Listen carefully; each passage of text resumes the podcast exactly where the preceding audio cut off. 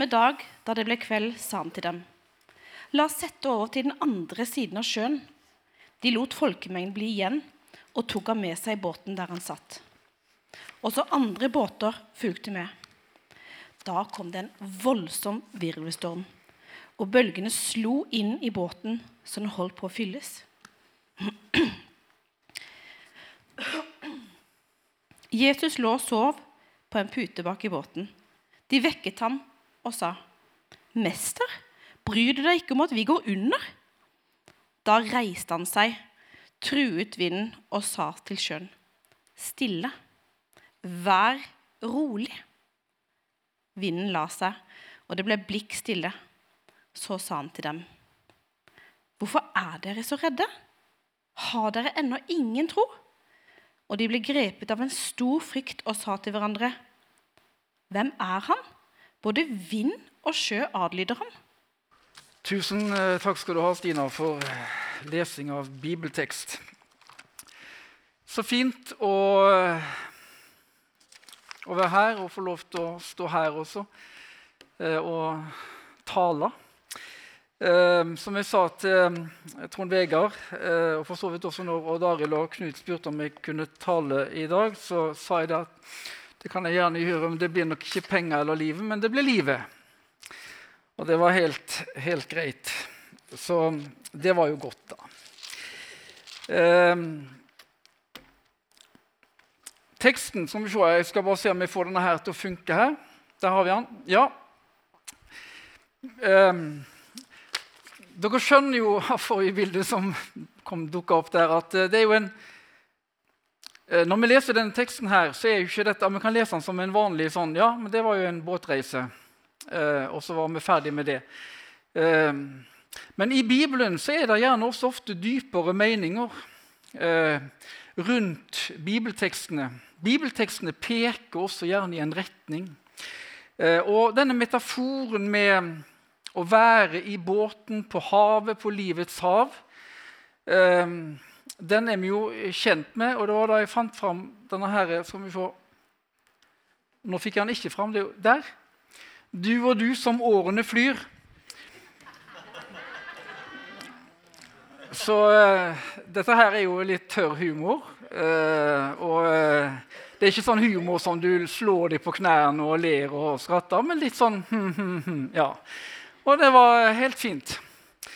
Eh, det som jeg tenker å gjøre i dag, det er rett og slett å mm, dra dere gjennom denne teksten som vi har hørt. For seks år siden så var jeg på et stilleretreat på Vestlandet, Utstein pilegrimsgard. Jeg hadde aldri vært på et stilleretreat før. og Etter ett døgn så fant jeg roen da, etter å ha trava rundt og sikkert forstyrra de andre litt, som fant roen mye fortere enn meg. da. De var vant med dette her, og jeg var ikke vant med dette her. Så fikk vi en tekst. Så fikk vi denne teksten. Eh, så fikk vi en tekst hver dag, og jeg prøvde meg på dagen etter, liksom, men jeg havna i denne teksten igjen og igjen. Og alle de seks dagene så på mine vandringer rundt omkring eh, i skjærgården holdt jeg på å si, på Vestlandet Vestlandet er jo helt fantastisk. Eh, det er jo helt på nivå med Grimstad. sant vel? Eh, og eh, så eh, var det denne teksten som levde og levde i meg, og jeg noterte i boka mi, dagboka mi, eh, som jeg bruker sånt av og til. Men akkurat i sånne settinger så prøver jeg å skrive litt. Hva, hva, hva, hva er det Gud sier til meg? Hva, er det jeg opplever? på en måte, At er nerven i det jeg leser? Vil Gud meg noe her? Uh, og jeg skrev, og så merka jeg på et punkt at Kjell, nå er, jo, nå, nå, nå er du på jakt etter noen prekenpoenger her. Eh, det, samme, det er jo en yrkesskade vi har som forkynnere. Du er liksom på jakt. Litt sånn jakt. Mm, et godt ord. Og um, så var det som om Gud sa til meg at Kjell, dette her er mellom deg og meg. Uh, det jeg deler med deg nå, gutten min det skal ikke du bruke til noe som helst annet enn mellom deg og meg. Dette er til deg.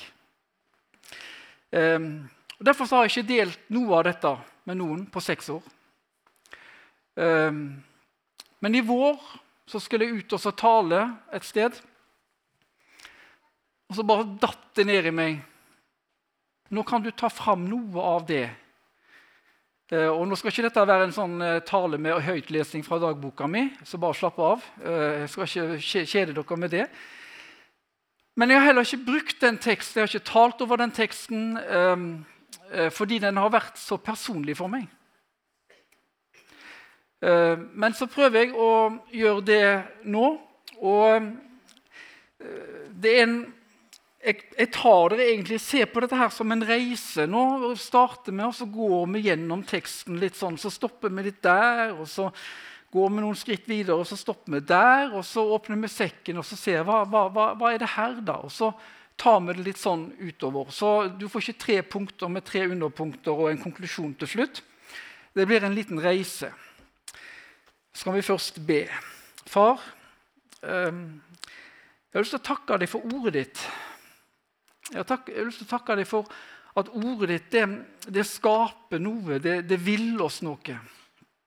Og når vi tar tid med det, når vi lever i det, lever i en tekst, Herre, så, øh, så vil den teksten oss noe. Det er ikke bare vi som sitter og leser en tekst, men, men det er teksten som også sier noe om våre liv. Det er ikke bare vi som forstår en tekst, men det, det, er teksten som på mange måter at vi opplever at vi blir forstått eh, gjennom det som ditt ord eh, viser oss. Herre, jeg takker deg for denne lille reisen som vi nå skal legge ut på. Så ber jeg, Herre, må du la alt være til din ære. Og så eh, ber jeg om at dette skal få lov til å lande hos noen, Herre. Eh, til trøst, til oppmuntring. I Jesu navn. Amen. Der var vi. La oss, la oss sette over til den andre siden av sjøen. Det er der eh, Jesus begynner.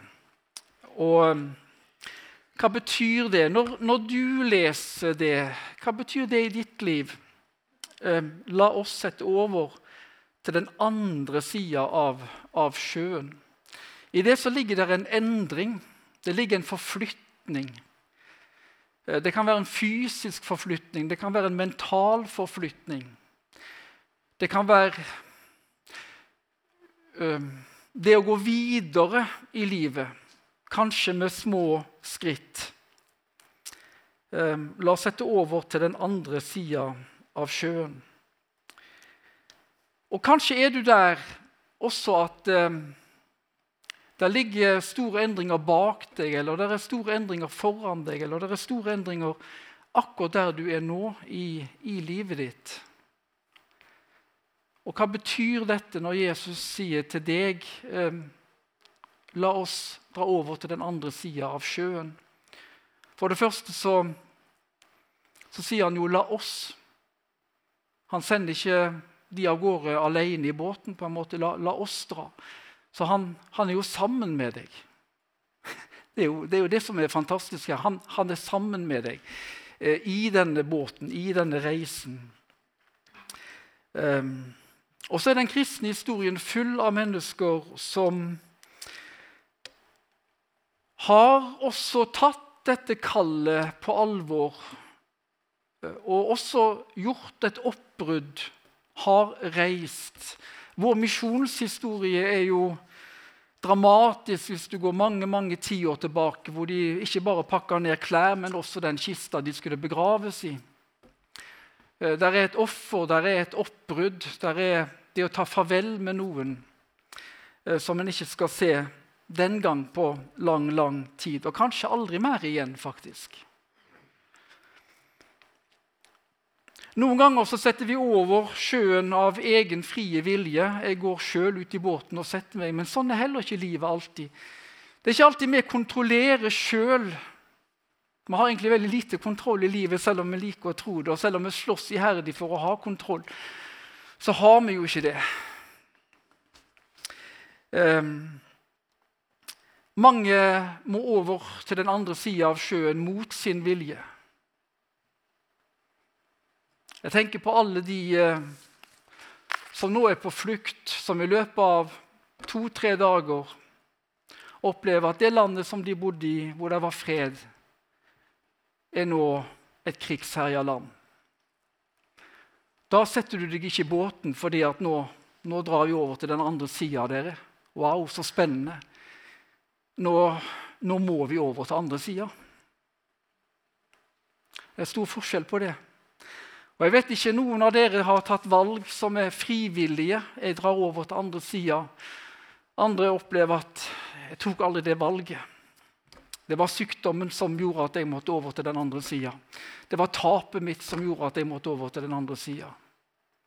Det var det som ikke ble som det jeg hadde drømmen om, som gjorde at jeg måtte sette over til den andre sida.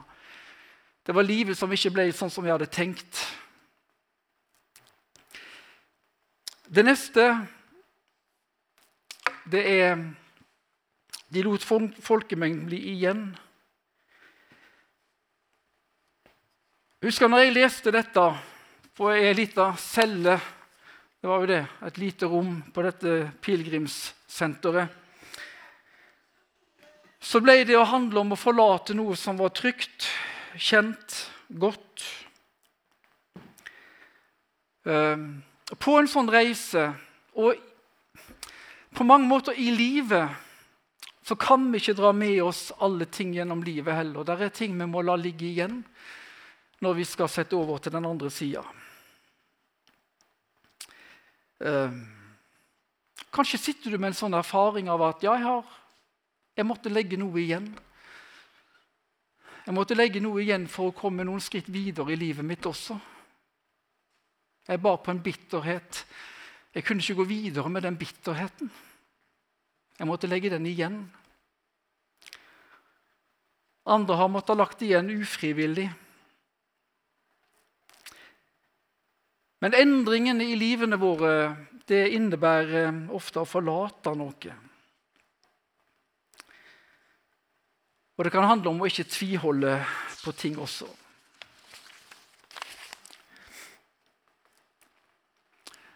Da kom det en voldsom virvelstorm.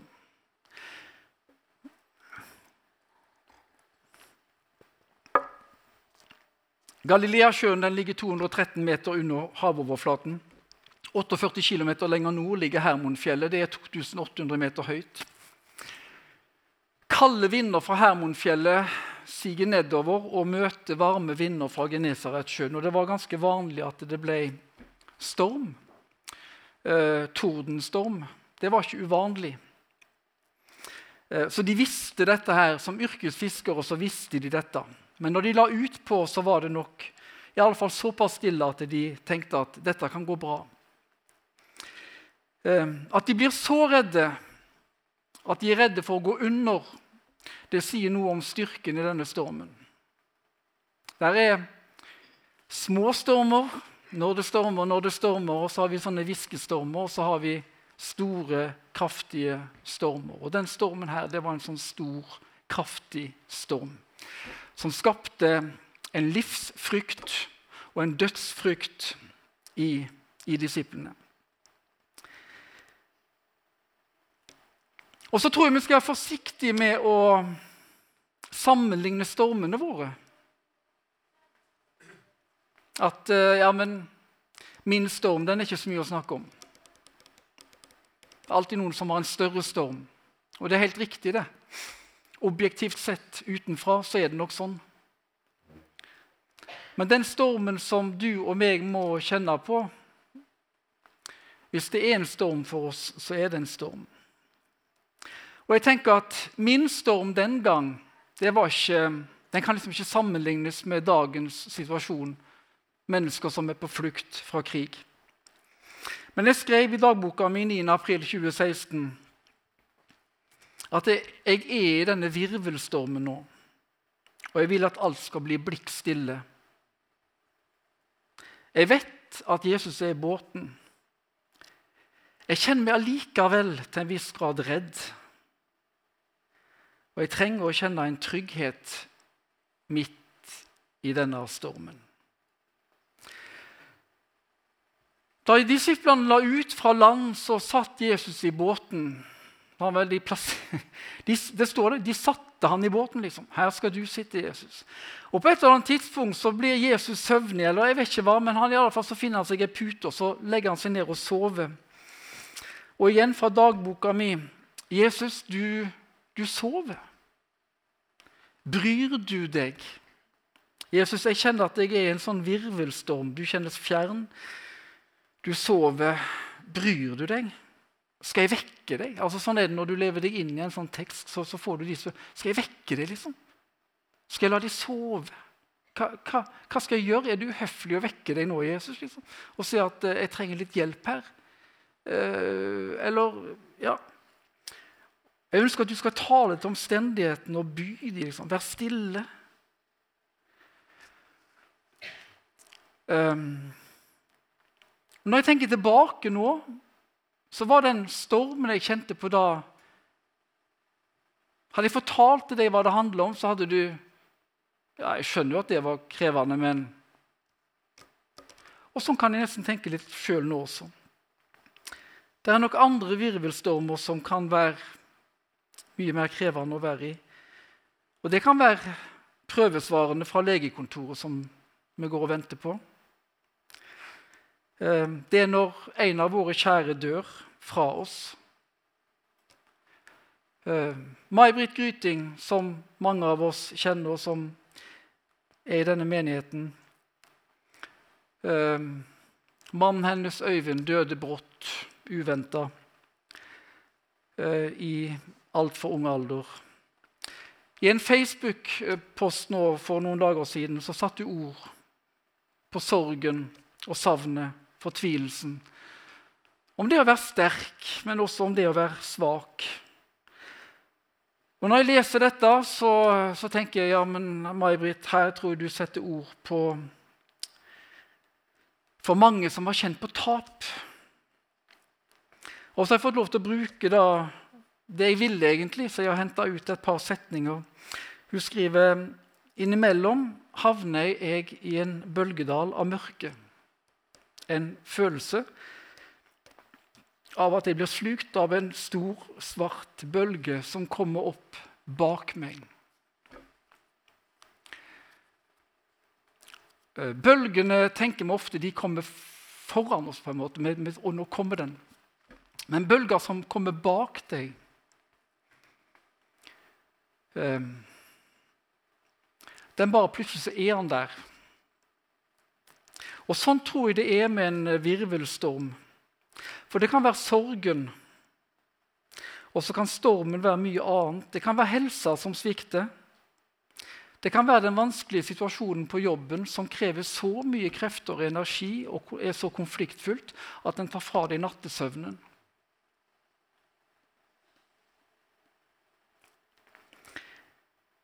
Det kan være erfaringen av å bli bedratt.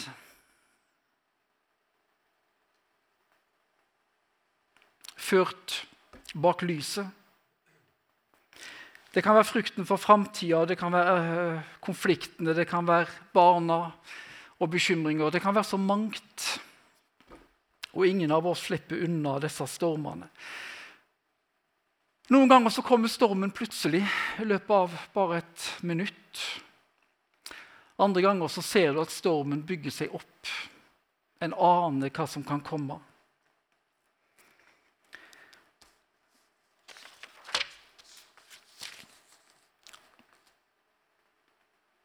Bryr du deg om at vi går under? spør disiplene. Og vet du hva? Når jeg leser det, så kjenner jeg det treffer meg. Det treffer meg rett i magen. Og hvorfor gjør det det? Hvorfor har jeg en sånn enorm gjenkjennelse? Jo, det er fordi at jeg tror sjansen er så stor for at alle vi har vært der, og kommer til å være der, hvor vi har disse spørsmålene til Gud. Gud, bryr du deg egentlig om meg? Hvor er du, Gud, akkurat nå når jeg trenger deg? Sover du? Eh, hvor er løftene dine, Gud? Kan jeg stole på deg? Alt dette. Vi kjenner oss igjen i disiplene sin desperasjon. Bryr du deg egentlig om Jesus, at vi er i ferd med å gå under? Og Det er som om disiplene også sier til Jesus Hadde du elska oss, hadde du virkelig elska oss, så hadde du ikke latt oss gå igjennom dette. Dersom du elska oss, så ville vi ikke kjent på at vi var i ferd med å synke, og at bølgene og havet og omstendighetene på en sånn måte reiser seg rundt oss at vi kjenner at nå, nå, nå driver seg ned og under havet og havoverflaten. Dersom du hadde elska meg, Gud, så hadde du ikke latt meg engang være i den situasjonen.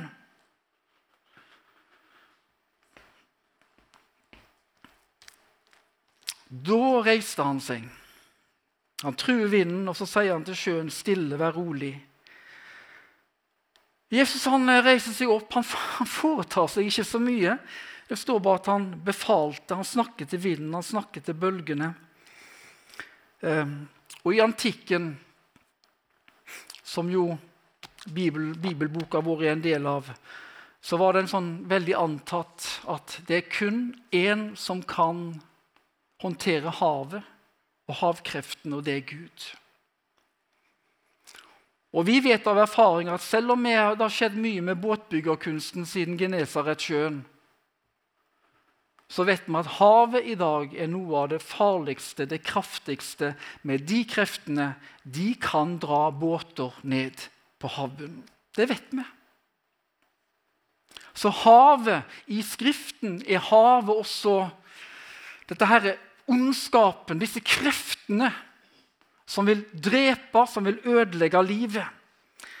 Så Jesus han reiser seg opp, og så taler han. Og så skjønner disiplene, eller Markus prøver i alle fall å vise dem at den mannen som reiser seg opp i båten her, det er ikke bare en rabbi, men han er Gud, og han er konge. For når han byr stormen å være stille, så blir det stille. Når han byr sjøen om å bli stille, så blir det blikkstille. Og én ting er vinden. Eh, vi tok ferja fra Kristiansand til Hirtshals for det begynner å bli noen år siden nå. Det var blå himmel, det var vindstille. Så kom vi utpå der. Jeg blir fort sjøsjuk, liker ikke bølger og sånn. Og så var det mye bølger. Hvor i huleste kommer bølgene fra? liksom? Det er ikke et vindpust. Og så er det masse bølger. Og så kom kapteinen da, faktisk på radioen. Jeg vet ikke om han hadde hørt tankene mine. Og så sier han at uh, ja, det var en del storm her for noen dager siden. Uh, og, og, og, og, det er liksom dønningene av den stormen som vi nå merker på båten. Og det at en mann kan reise seg opp Én ting er vinden, det kan jo komme og gå litt sånn. Jeg er fra Vestland og er vant med det. Men at havet blir blikkstille, det er ikke vanlig. Men havet ble stille. Så Jesus han taler til havet. Og så gir Markus oss et hint om at denne mannen han er noe mer enn det dere tror, aner, kan se, kan skjønne. Det er noe mer. Det er noe mer ved denne mannen. Uh, han er Gud. For Ellers hadde han ikke kunnet talt til vind og bølger. Og så uh, kommer spørsmålet hvorfor er dere så redde. Og jeg kjenner jeg blir så provosert. Åh, der har liksom Jesus vært, har altså disiplene kjempa for livet, vært livredde. Og så Det de hadde trengt, det var jo trøst. liksom. Ja, Ble dere redde nå? Skal vi debrife litt, liksom? Det bør jo skje 24 timer innen liksom, det har skjedd. Så la oss snakke. Hvordan, hvordan var det, Peter? Sett ord på hvordan du hadde det. Nei, så begynner han å spørre hvorfor er dere så redde. Og jeg kjenner jeg blir sånn ah.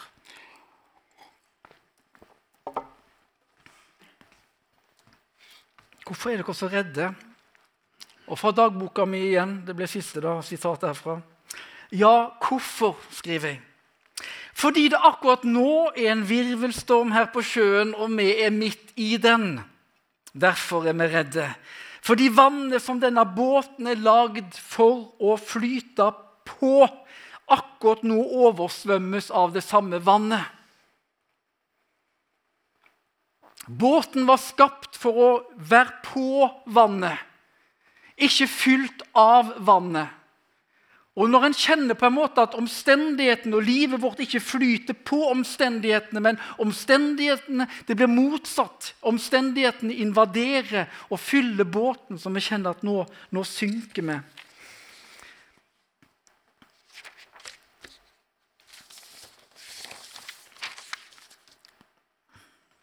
Hvorfor er vi redde? Jo, vi var redde for å dø. Vi var redde for at du ikke elsker oss. Hvis du var i den båten, hvis du er i denne båten i dag i teksten Hvis du tenker at 'nå er jeg i denne båten', og Jesus spør deg 'hva er du redd for'? Hva er du redd for? Eh, hvorfor er du redd? Hva er det du frykter? Hva er sorgen din? Hva er ditt tap? Hva er det du har mista, som en gang var der? Hva er det som er blitt borte? Hva, hva, vil, du, hva vil du svare han da? For Jeg tror han spør oss midt i den stormen som vi opplever litt forskjellig, den enkelte av oss. Han vil alltid stille spørsmålet hva er du redd for? Hva er det du frykter? Hva er tapet ditt? Hva er sorgen din? Hva er det i livet ditt som gjør at du kjenner at jeg, jeg dras under? Og Når han stiller spørsmålet, så utfordrer han også premisset som ligger bak spørsmålet fra disiplene. Hvorfor bryr du deg ikke? For han utfordrer vår tanke om at dersom Jesus bryr seg om oss, så lar han oss ikke gå gjennom vanskeligheter. Han utfordrer vår tanke om det. Å være kristen er ikke en fribillett til et lettere liv. Det kan være tvert imot.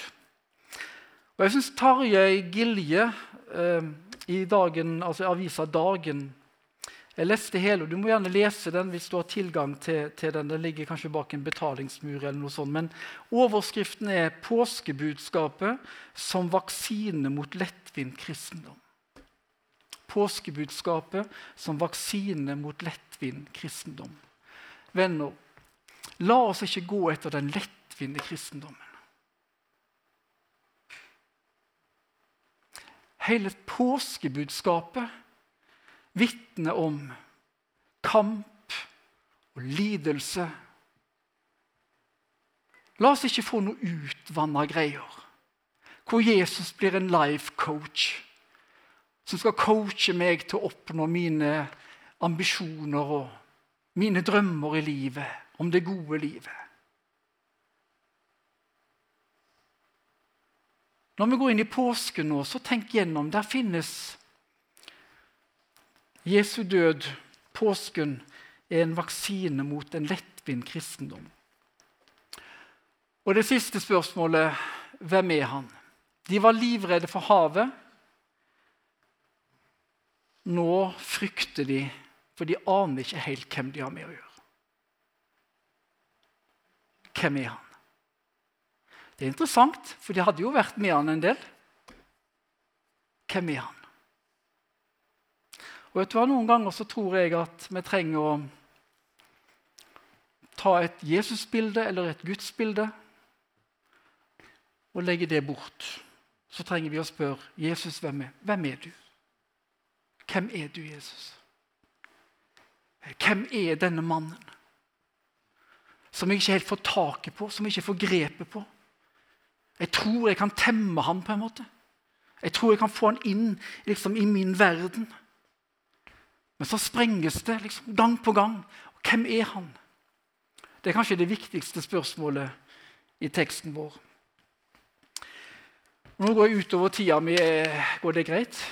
Nei, Jeg vet jo ikke hvor lenge jeg har holdt på, egentlig, men jeg bare sitter med en følelse av det. Er det greit at jeg kan få fullføre? Uh, for på sjøen så lærer disiplene Jesus å kjenne som, som konge. han ikke bare har makt, men han, han er makten. Um, og så vet vi noe i dag som disiplene den gang ikke visste. Og som de ikke kunne vite, men vi vet noe om det. Og det er en, det er en parallell historie til denne historien som Markus skriver. Hvem vet, kanskje Markus hadde beretningen om Jonah i tankene eller i bakhodet sitt når han skrev og, og, og begynte å se på denne historien også. Vi vet ikke. Men, men Jonah, eh, profeten Jonah i Det gamle testamentet han havna jo også på en båt. Han skulle sette over til en, en helt annen side enn der hvor han egentlig skulle dra. da. Så han kommer om bord i denne båten.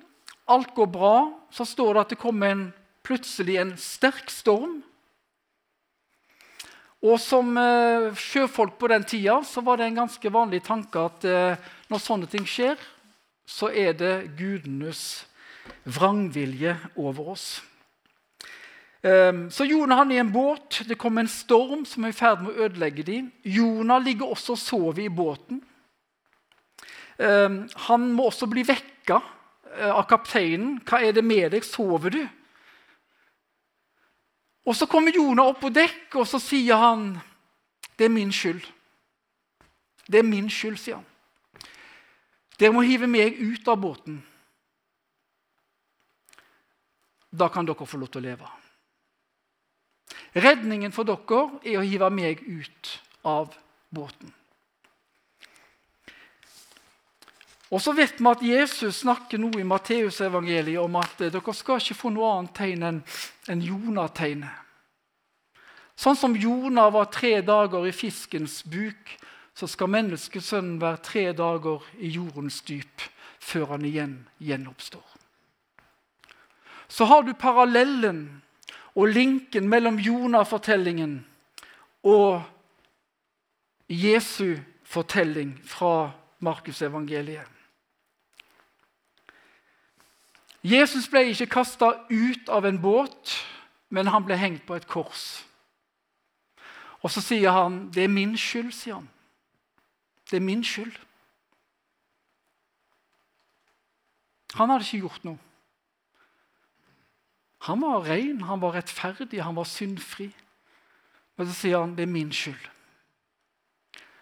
Og så tar han på seg all vår skyld. Hele menneskehetens skyld tar han på seg. Og så soner han, og så dør han på et kors for at vi skulle få lov til å leve.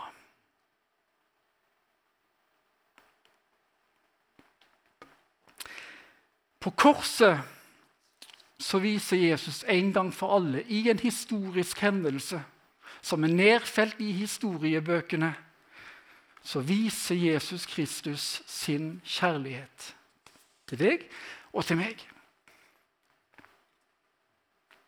Hvis du noen gang lurer på om Gud elsker deg, hvis du noen gang blir i tvil om Jesus er du i båten, bryr du deg, så skal du vite at det er en hendelse, en gang, som en gang for alle har vist at Gud elsker deg, at han bryr seg om deg. Og Den hendelsen kan ingen bestride, den hendelsen kan ingen dekke over. Eh, eller åndeliggjøre, eller noe som helst. For stormer er en del av livet. Men du og meg, vi trenger aldri, aldri lure på om Gud har forlatt meg, eller om Gud ikke er glad i meg lenger når vi er i en sånn storm. Vi trenger aldri stille spørsmålet 'Herre, bryr du deg ikke om at vi går under?' Jeg tror jeg kommer til å gjøre det, men jeg vet at jeg trenger ikke gjøre det. Men jeg tror jeg kommer til å gjøre det også i framtida. Jeg er bare et menneske. Men jeg trenger ikke. Og helt til slutt Som konge så skal han en gang komme igjen. Og da skal han stille alle stormer i all evighet. Og Det er som om Jesus vil si en dag så skal jeg stille alle stormer. Jeg skal stille alle bølger. Jeg skal ødelegge ødeleggelsene. Jeg skal gjøre ende på døden. Jeg skal ta bort all ondskap. Og Vi trenger venner altså, å løfte opp det kristne håpet. Igjen, May-Britt. Jeg har en tro som gir meg et evig håp. Som gir meg mot til å hele tida gå ett steg til. Det trassige håpet det trassige håpet som en holder fast på når det egentlig kjennes håpløst. Det trassige håpet som hjelper meg til å ta ett steg videre. Og så ett steg videre. Og så ett steg videre. Det blir en, noen ganger en trass handling å holde fast på håpet. I trass så synger vi noen ganger om Guds fred også, når vi kjenner at det ikke er fred. Oi sann. Godt jeg ikke trengte den lenger nå, da. Jeg håper ikke han blir altfor ødelagt. Eh, vi, er mange, vi, er på så mange måter opptatt av, av, det jordiske livet også at jeg lurer på om troa vår står i fare for å handle om å få hjelp til et godt, rikt, framgangsrikt liv her og nå. Og jeg tror vi nok en gang trenger å løfte fram håp om at Påsken, Jesu død, den baner også veien for at Gud skal nyskape denne jorda. En ny himmel, en ny jord. Han som har overvæpna ondskapens makter. For vi er på vei, vi har et håp, folkens. Og det trenger vi i den tida vi lever i. Vi trenger håpet. Vi trenger det i verden, vi trenger det for den enkelte av oss. Ja, skal vi be. Jesus Kristus ehm, Nå ønsker vi egentlig også å stille oss litt på sida og spørre hvem er denne mannen. Og Jesus, kanskje du ehm, kan komme til den enkelte nå, akkurat nå, så kan du hviske noen ord inn i hjerte og øre om hvem du er for den enkelte av oss. Amen.